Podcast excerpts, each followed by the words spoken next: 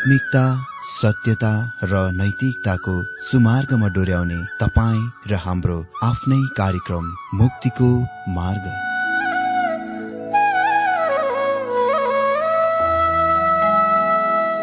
आदरणीय श्रोता यस मुक्तिको मार्ग कार्यक्रममा हार्दिक स्वागत छ। आशा छ यस आत्मिक कार्यक्रमद्वारा जीवनमा आत्मिक आशिष अलौकिक शान्ति र आनन्द प्राप्त गर्नुहुनेछ। र जीवनमा धन्य अनुभव गर्नुहुनेछ। आउनुहोस् श्रोता मन र आत्माको तयारीको लागि यो मिठो अनि मधुर भजन गीत सुनौ।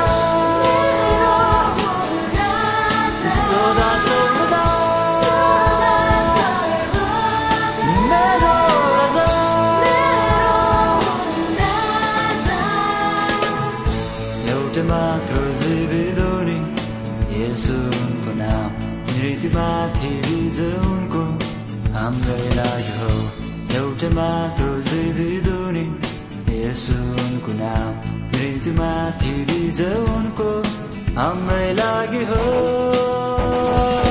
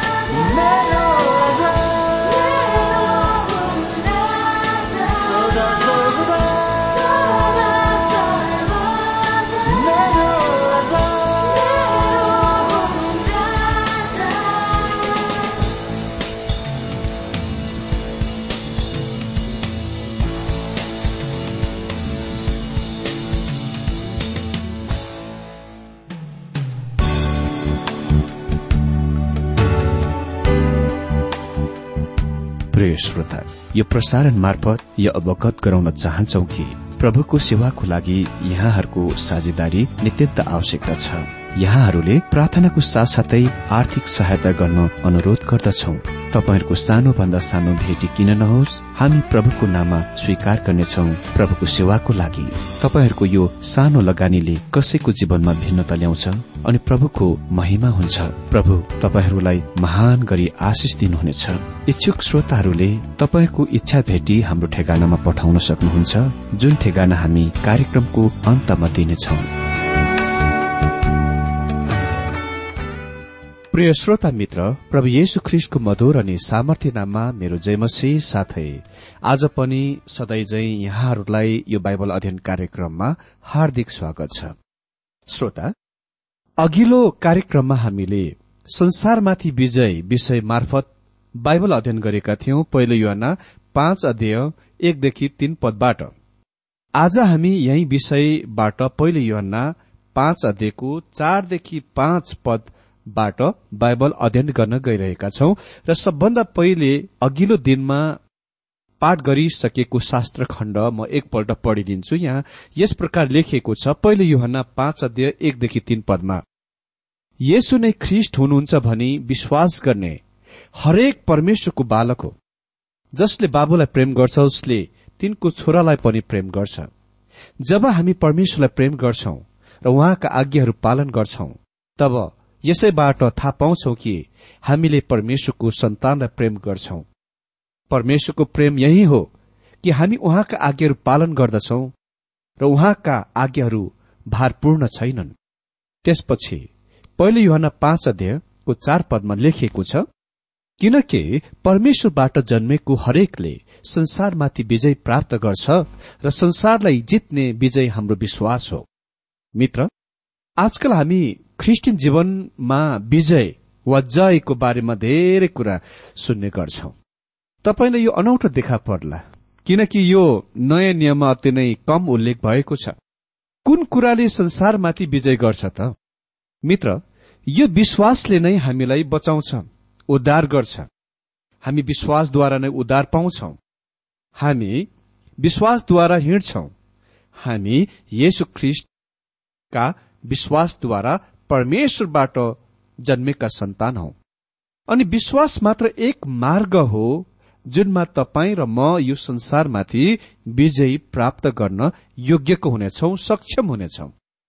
अहिले हामीसँग एक शत्रु छ र युहानले यो शत्रुको बारेमा अघि नै भनिसकेका छन्। पहिलो युहान दुईको पन्ध्र पदमा संसारलाई प्रेम नगर न त संसारका भएका कुरालाई नै। यस संसारमा हाम्रा तीनवटा शत्रु छ। शरीर संसार र शैतान। यी शत्रुहरूको प्रत्येक परमेश्वरका सन्तानहरूले दिन प्रतिदिन सामना गर्दछन्। हा हामी संसारमा छौं तर हामी विश्वासीको नाताले यो संसारको एक अंश हुनु हुँदैन एक भाग हुनु हुँदैन। तपाईँ र म रहेको संसार अति नै भ्रष्ट निच घटिया र खराब संसार हो। हामी यसमा सजिलैसँग फन्दामा पर्न सक्छौ। हामी यसको पासोद्वारा जकडिन सक्छौ। यसको उदाहरण पुरानो नियममा छ जुनको म सोच्दछु यस बिन्दुमा हाम्रो लागि मदतगार छ। यो यहोसु र इसरायलका सन्तानहरूको कथा हो जब तिनीहरू प्रतिज्ञाको मुलुकमा प्रवेश गरिरहेका थिए। सर्वप्रथम मैले यो भन्नै पर्छ कि प्रतिज्ञाको मुलुक स्वर्गीयको रूपक वा रूप होइन। हाम्रा गीतहरू जुनले कनानलाई विश्वासी गइरहेको स्थान स्वर्गीयको रूपमा प्रस्तुत गर्दछ संकेत गर्दछ। यो बाइबलमा हामीलाई सिकाइने कुरासँग कति पनि फिट खाँदैन। मतलब कनान विश्वासी जाने स्वर्गीय स्थानको उक्तम र उचित रूपक होइन। हामी कनान र स्वर्गीयलाई एक नाशमा दाज्न सक्दैनौ।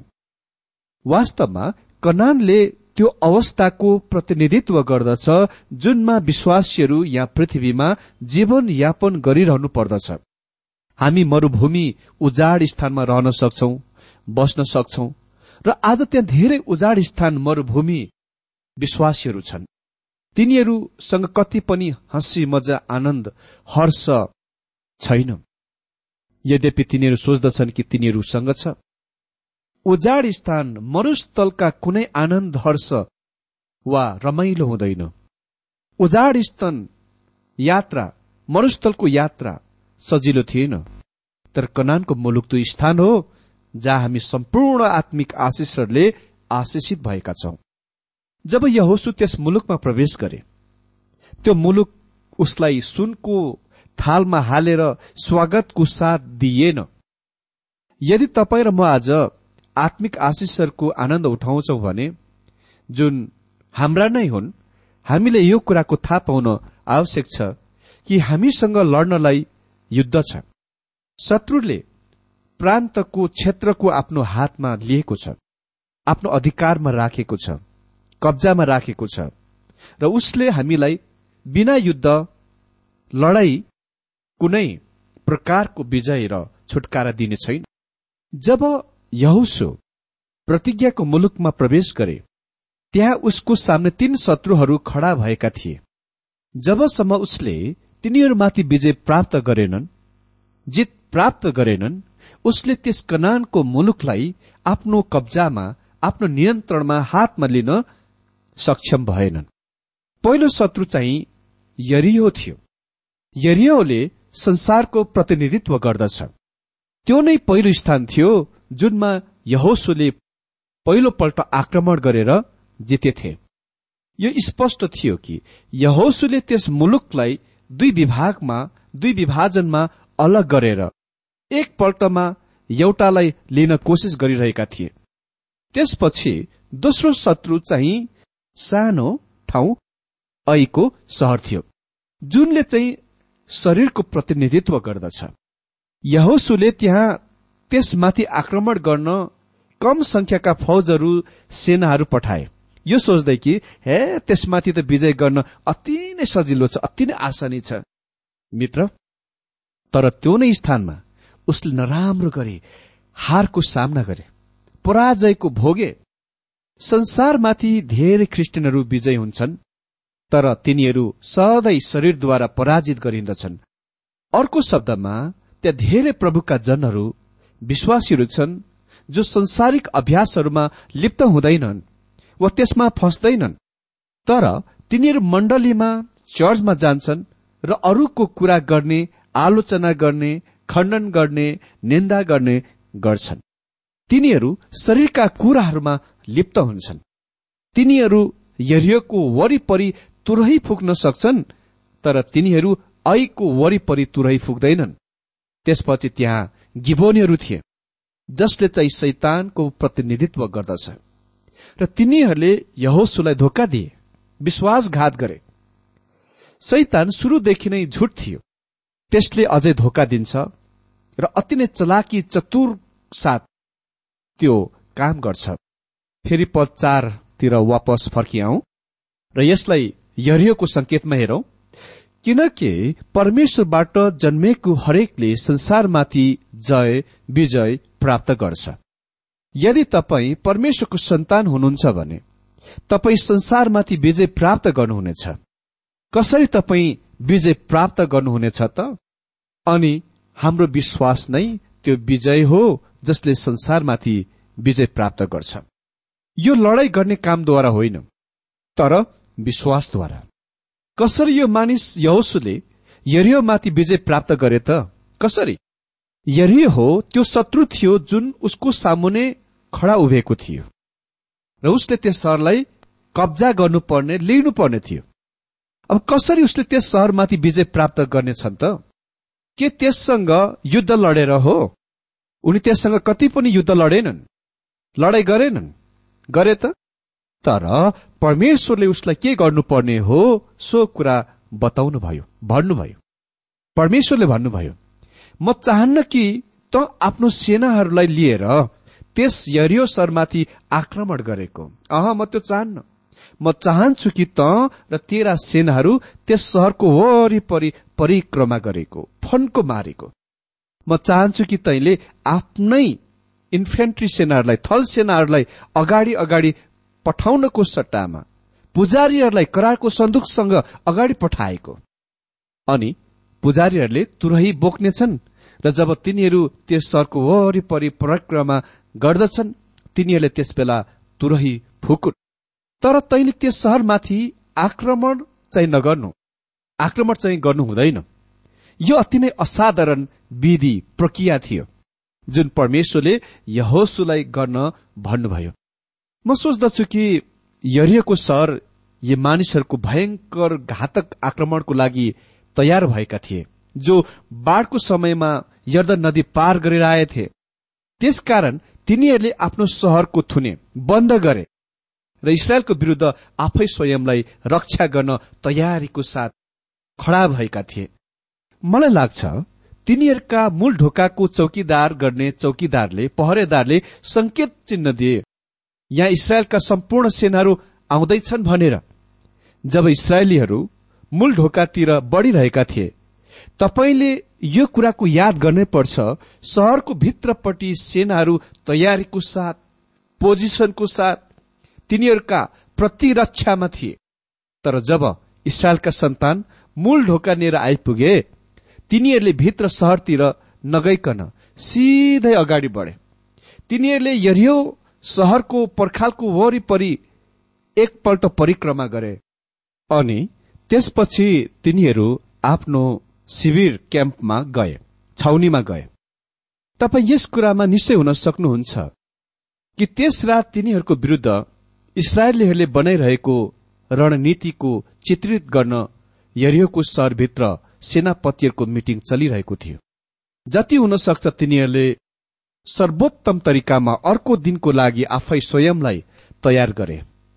जब मूल ढोकाको चौकीदार पहरेदार फेरि यसरी ठूलो आवाजमा चेतावनीको जनौ दिए तिनीहरू आउँदैछन् तिनीहरूले युद्धको लागि आफैलाई पूर्ण तयारी गरेका थिए। यदि इसरायलीहरू ढोकाहरूबाट भित्र पस्ने कोसिस गरे सम्भवत पर्खालको माथिबाट सिपाहीहरू उक्लिरहेको वा त्यहाँ गइरहेको बेला उम्लिरहेको तेल वा पानी तल तिनीहरूमाथि खन्याउन वा तीरहरू प्रहार गर्न बिल्कुल तयारीमा थिए। तर इसरायलीहरू ढोकाभित्र भएर सहरभित्र प्रवेश गर्ने प्रयत्न गरेनन्। तिनीहरू खाली फेरि त्यस सहरको वरिपरि मात्र फन्को मारे परिक्रमा गरे। तिनीहरूले त्यो परिक्रमा फन्को मार्ने कामको अरू छ दिनको लागि दोहोऱ्याइरहे। त्यस समयसम्म सहरभित्रका सेनाहरू थुप्रै चिन्तित भइरहेका थिए। तिनीहरूलाई थाहा थिएन कि अब के हुन गइरहेको थियो। सातौं दिनमा इसरायल एकपल्ट यरियोसरको परिक्रमा गरे सेनापतिहरू र सेना अधिकारीहरूले शान्तिको श्वास लिए र भने यो यस्तो देखाइ पर्दछ कि तिनीहरूले यस सहरलाई लिने छैनन्। तिनीहरूले केही मूर्ख काम गरिरहेका छन्। संसारको दृष्टिकोणबाट यो अति नै धेरै मूर्ख कुरा थियो। तपाईँले यो कुराको स्वीकार गर्नै पर्छ कि यो अति नै असामान्य रणनीति थियो। तर यो समयमा चौकीदारले भन्यो एक मिनट पर्ख। तिनीहरू आफ्नो शिविर क्याम्पमा फर्किरहेका छैनन्। तिनीहरू फेरि सरको वरिपरि परिक्रमा गरिरहेका छन्। अनि इसरायलीहरूले सरको वरिपरि सातपल्ट परिक्रमा गरे। तब त्यहाँ के भयो त? इसरायलका पुजारीहरूले तुरैहरू फुके। मानिसहरू जोड जोडले कराए र यरियोको पर्खाल भत्कियो गिर्यो। इसरायलका सन्तानहरूले सम्भव त्यस बेला त्यस सहरलाई पूर्ण रूपमा घेरिरहेका थिए। अनि जब यरियोको सहरको पर्खाल गिर्यो सहरभित्रका सेनाहरू आकाशमा त्यस्तो घटनाद्वारा अचम्बित भए। कसरी इसरायलका सन्तानहरूले यरियोको सहरलाई लिए त लडाई गरेर तिनीहरूले कति पनि लडाई र युद्ध गरेनन्। तिनीहरू खालि यहोसुद्वारा होइन तर सेनाहरूका पनि परमप्रभु महापरमप्रभु सेनाहरूका पनि महासेना अदृश्य सेनापतिद्वारा दिएको निर्देशन अनुसार सरको वरिपरि परिक्रमा गरे म स्पष्ट तरिकामा भन्न चाहन्छु शास्त्रमा यस घटनासँग मसँग समस्या हुने गर्दथ्यो मेरो समस्या यरियोको प्रखाल गिर्ने कुरामा थिएन। त्यो तथ्य पुरातत्वविदहरूको खोदाईद्वारा अति नै राम्रो सिद्ध भएको छ प्रमाणित भएको छ। तर मलाई डिस्टर्ब गर्ने कुरा यो थियो किन यहोसु जस्तो महान सेनापति कुशल सेनापति सैनिक अगुवा जस्तो मानिसले यस प्रकारको टेक्निकको तकनिकीहरूको प्रयोग गरे त रणनीतिको प्रयोग गरे त? यो सत्य हो कि परमेश्वरले यो आज्ञा गर्नुभएको थियो? तर म सोच्दछु यहोसु यो रणनीतिहरू वा ट्याक्टिकहरूसँग असहमतमा पनि हुने थिए। यसको उत्तर अघिको वा पहिलेको घटनामा पाइन्दछ जब यहोसुले इसरायलीहरूका शिविर क्याम्पको छेउमा नाङ्गो तरवारसँग उभिरहेका कसैलाई देखे। यहोसु बाहिर गएर त्यस मानिसलाई भने किन तिमीले त्यो तरवार मेनबाट झिकेको त? यो गर्न तिमीलाई कसले भन्यो? यहोसुको प्रश्न थियो। यहोसु पाँचको तेह्र पदमा तिमी हाम्रा पक्षका हौ या हाम्रा शत्रु पक्षका हौ? अ हाम्रो बाइबलमा यसरी नै अनुवाद गरिएको छ अनि यो उक्तम अनुवाद हो। तर सम्भवत यहोसुको वास्तविक तात्पर्य थियो कसले तिमीलाई तरवार झिक्न आगे गर्यो ह? यहोसुले सोचे उनी इन्चार्ज थिए उनी सेनापति थिए। तर जब त्यो मानिस फर्केर उत्तर दिए यहोसुले थाहा गरे कि उनी अलौकिक व्यक्ति थिए। म व्यक्तिगत रूपमा विश्वास गर्दछु उनी पूर्व अवतारित ख्रिस्ट हुनुहुन्थ्यो। जब यहोसु उसको पाउमा झुके र दण्डवत गरे र उसलाई आराधना गरे। यसरी तपाईँ देख्नुहुन्छ यरियको युद्ध भन्दा पहिले अघि यस मानिस यौसुले सिके उनी वास्तवमा इन्चार्ज वा सेनापति थिएनन् सेनापति हेड क्वार्टरहरू उसको शिविर टेन्टमा थिएन तर स्वर्गीयमा सेनाहरूका परमप्रभुको सेनापतिसँग। किनकि यही नै तरिकामा त्यो अपरिचित व्यक्तिले आफै स्वयंको परिचय दिए। यहोसु पाँचको चौध पदमा अनि उनले भने होइन तर परमप्रभुको फौजको कप्तान भएर म यहाँ आएको हुँ। अर्को शब्दमा परमप्रभुले मलाई परमप्रभुले यहोसुलाई भनिरहनु भएको थियो तिमीले लडिरहेको यो युद्ध शारीरिकको अतिरिक्त आत्मिक लडाई हो र म नै सेनापति हुँ। त्यसकारण अहिले सेनापति यहोसु आफ्नो आज्ञा हुकुमहरू परमप्रभुको सेनाबाट लिन गइरहेका थिए। र परमप्रभुको सेनापतिले भन्यो सहरको वरिपरि परिक्रमा गर घुम। मनमा यो घटनासँग यहोसुलाई बुझ्नमा मसँग कुनै कठिनाई छैन। यदि तपाईँले उसलाई भेट्नु भएर उसलाई यसरी सोध्नुभयो किन तपाईँले त्यस्तो हास्यास्पद मूर्ख रणनीतिको प्रयोग गर्नुभएको हँ? मलाई लाग्छ उनी तपाईँसँग बिल्कुल सहमत हुने थिए र उसले भनेथे यो साँच्ची नै हास्यास्पद अनि मूर्ख कुरा जस्तो त छ। तर के गर्नु? मैले त खालि परमप्रभुको कप्तानबाट सेनापतिबाट आज्ञाहरूको लिइरहेको छु। यदि तपाईँसँग कुनै सैनिक अनुभव पाउनु भएको छ भने तपाईँ जान्नुहुन्छ कि सिपाहीहरू कहिले पनि कमाण्डरको प्रति उत्तरमा मुख लाग्दैनन्। जब क्याप्टेन वा कमाण्डरले भन्छ जा र यो गर। सैनिक रोकेर यो भन्दैन यसको बारेमा म आफैले सोच्दछु र यसको गर्ने त्यहाँ उक्तम अर्को तरिका छ म आफै विचार गर्छु। के तपाईँले कहिले तल्लो दर्जाका सैनिकहरूले आफूभन्दा उच्च अधिकारी पदाधिकारी कमाण्डरहरूलाई त्यस्तो भनेको सुन्नुभएको छ? अह। उसले भन्छ यस सर। हुन्छ सर। हस् सर। म त्यसको गर्नेछु। र उनी तुरुन्तै गएर त्यो काम गर्छ जुन कमाण्डरले आज्ञा गरेको हुन्छ। यहोसुले आज्ञाहरूको पालन गरिरहेका छन्। उनी आज्ञाकारी बनिरहेका छन्। उसले त्यस सेनापतिको क्याप्टेनको विश्वास गरे। हिब्रू एघारले हामीलाई भन्छ हिब्रू एघारको तीस पदमा विश्वासद्वारा यरियोको पर्खालहरू ढल्यो। यो लडाई गरेर वा सैनिक सिपहरू कलाहरूद्वारा रण कौशलद्वारा होइन तर विश्वासद्वारा यरियोको पर्खाल ढल्यो। हाम्रो लागि आज पाठ के छ त? तपाईँ र म लडाई गरेर संसारमाथि विजय हुन सक्दैनौ। यद्यपि यहुसुसँग सैनिकहरू भए तापनि यहुसुको काम लडाई गर्ने युद्ध गर्ने थिएन। उसको काम परमेश्वरमा विश्वास गर्नु थियो। मेरो मित्र आज हामी विश्वासद्वारा बचाइएका छौं उद्धार पाएका छौं र यदि हामी यस संसारमाथि विजय पाउन चाहन्छौ भने वा पाउँछौ भने हामी यससँग लडेर युद्ध गरेर विजय प्राप्त गर्न सक्दैनौ। हामी यसमाथि विश्वासद्वारा विजय हुन गइरहेका छौं। यो मात्र एक बाटो हो तरिका हो। तपाईँ र म हामी रहेको यो संसारसँग व्यवहार गर्न सक्छौ। यो महान सन्देश हो जुन यहाँ हाम्रो लागि छ भनिएको छ किनकि परमेश्वरबाट जन्मेको हरेकले संसारमाथि विजय प्राप्त गर्छ र संसारलाई जित्ने विजय हाम्रो विश्वास हो। पाँच पद संसारमाथि विजय प्राप्त गर्ने को हो? त्यही हो जसले येशु ख्रिष्ट परमेश्वरको पुत्र हुनुहुन्छ भनी विश्वास गर्छ। मित्र जब तपाईँ ख्रिस्टलाई विश्वास गर्नुहुन्छ तपाईँ विश्वासद्वारा परमेश्वरको शक्तिद्वारा सुरक्षित राखिनुहुन्छ। र संसारमाथि विजय गर्न सक्नुहुन्छ। किनकि तपाईँ र मलाई पवित्र आत्माद्वारा परमेश्वरको शक्ति प्रदान गरिदछ। परमेश्वर आजको यो बाइबल अध्ययनद्वारा हरेकलाई धेरै धेरै आशिष दिनुभएको होस्।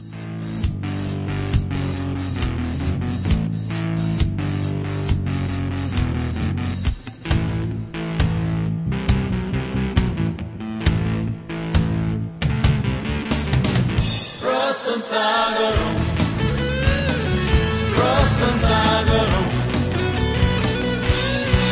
zalai sunzali prosun sagarum prosun sagarum prosun sagarum razalai sunzali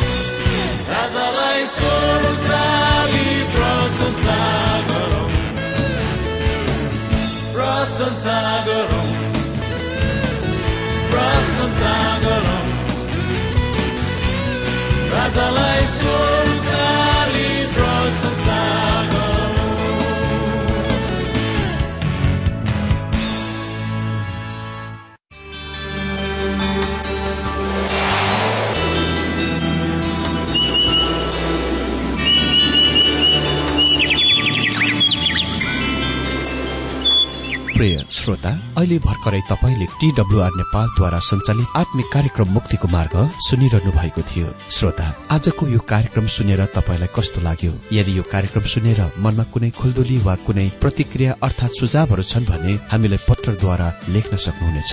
हामी हृदयदेखि नै स्वागत गर्नेछौ स्वीकार गर्नेछौ साथै बाइबल सम्बन्धित प्रचारहरू कार्यक्रम सारणीहरू हामी अनुरोधमा पठाउन सक्छौ। अनि तपाईँसँग कुनै प्रार्थनाको विषय छन् भने हामीले तपाईँको लागि प्रार्थना गरेको चाहनुहुन्छ भने प्रभुमा आफ्नै परिवार सम्झेर हामीलाई पत्रमा लेख्न सक्नुहुनेछ।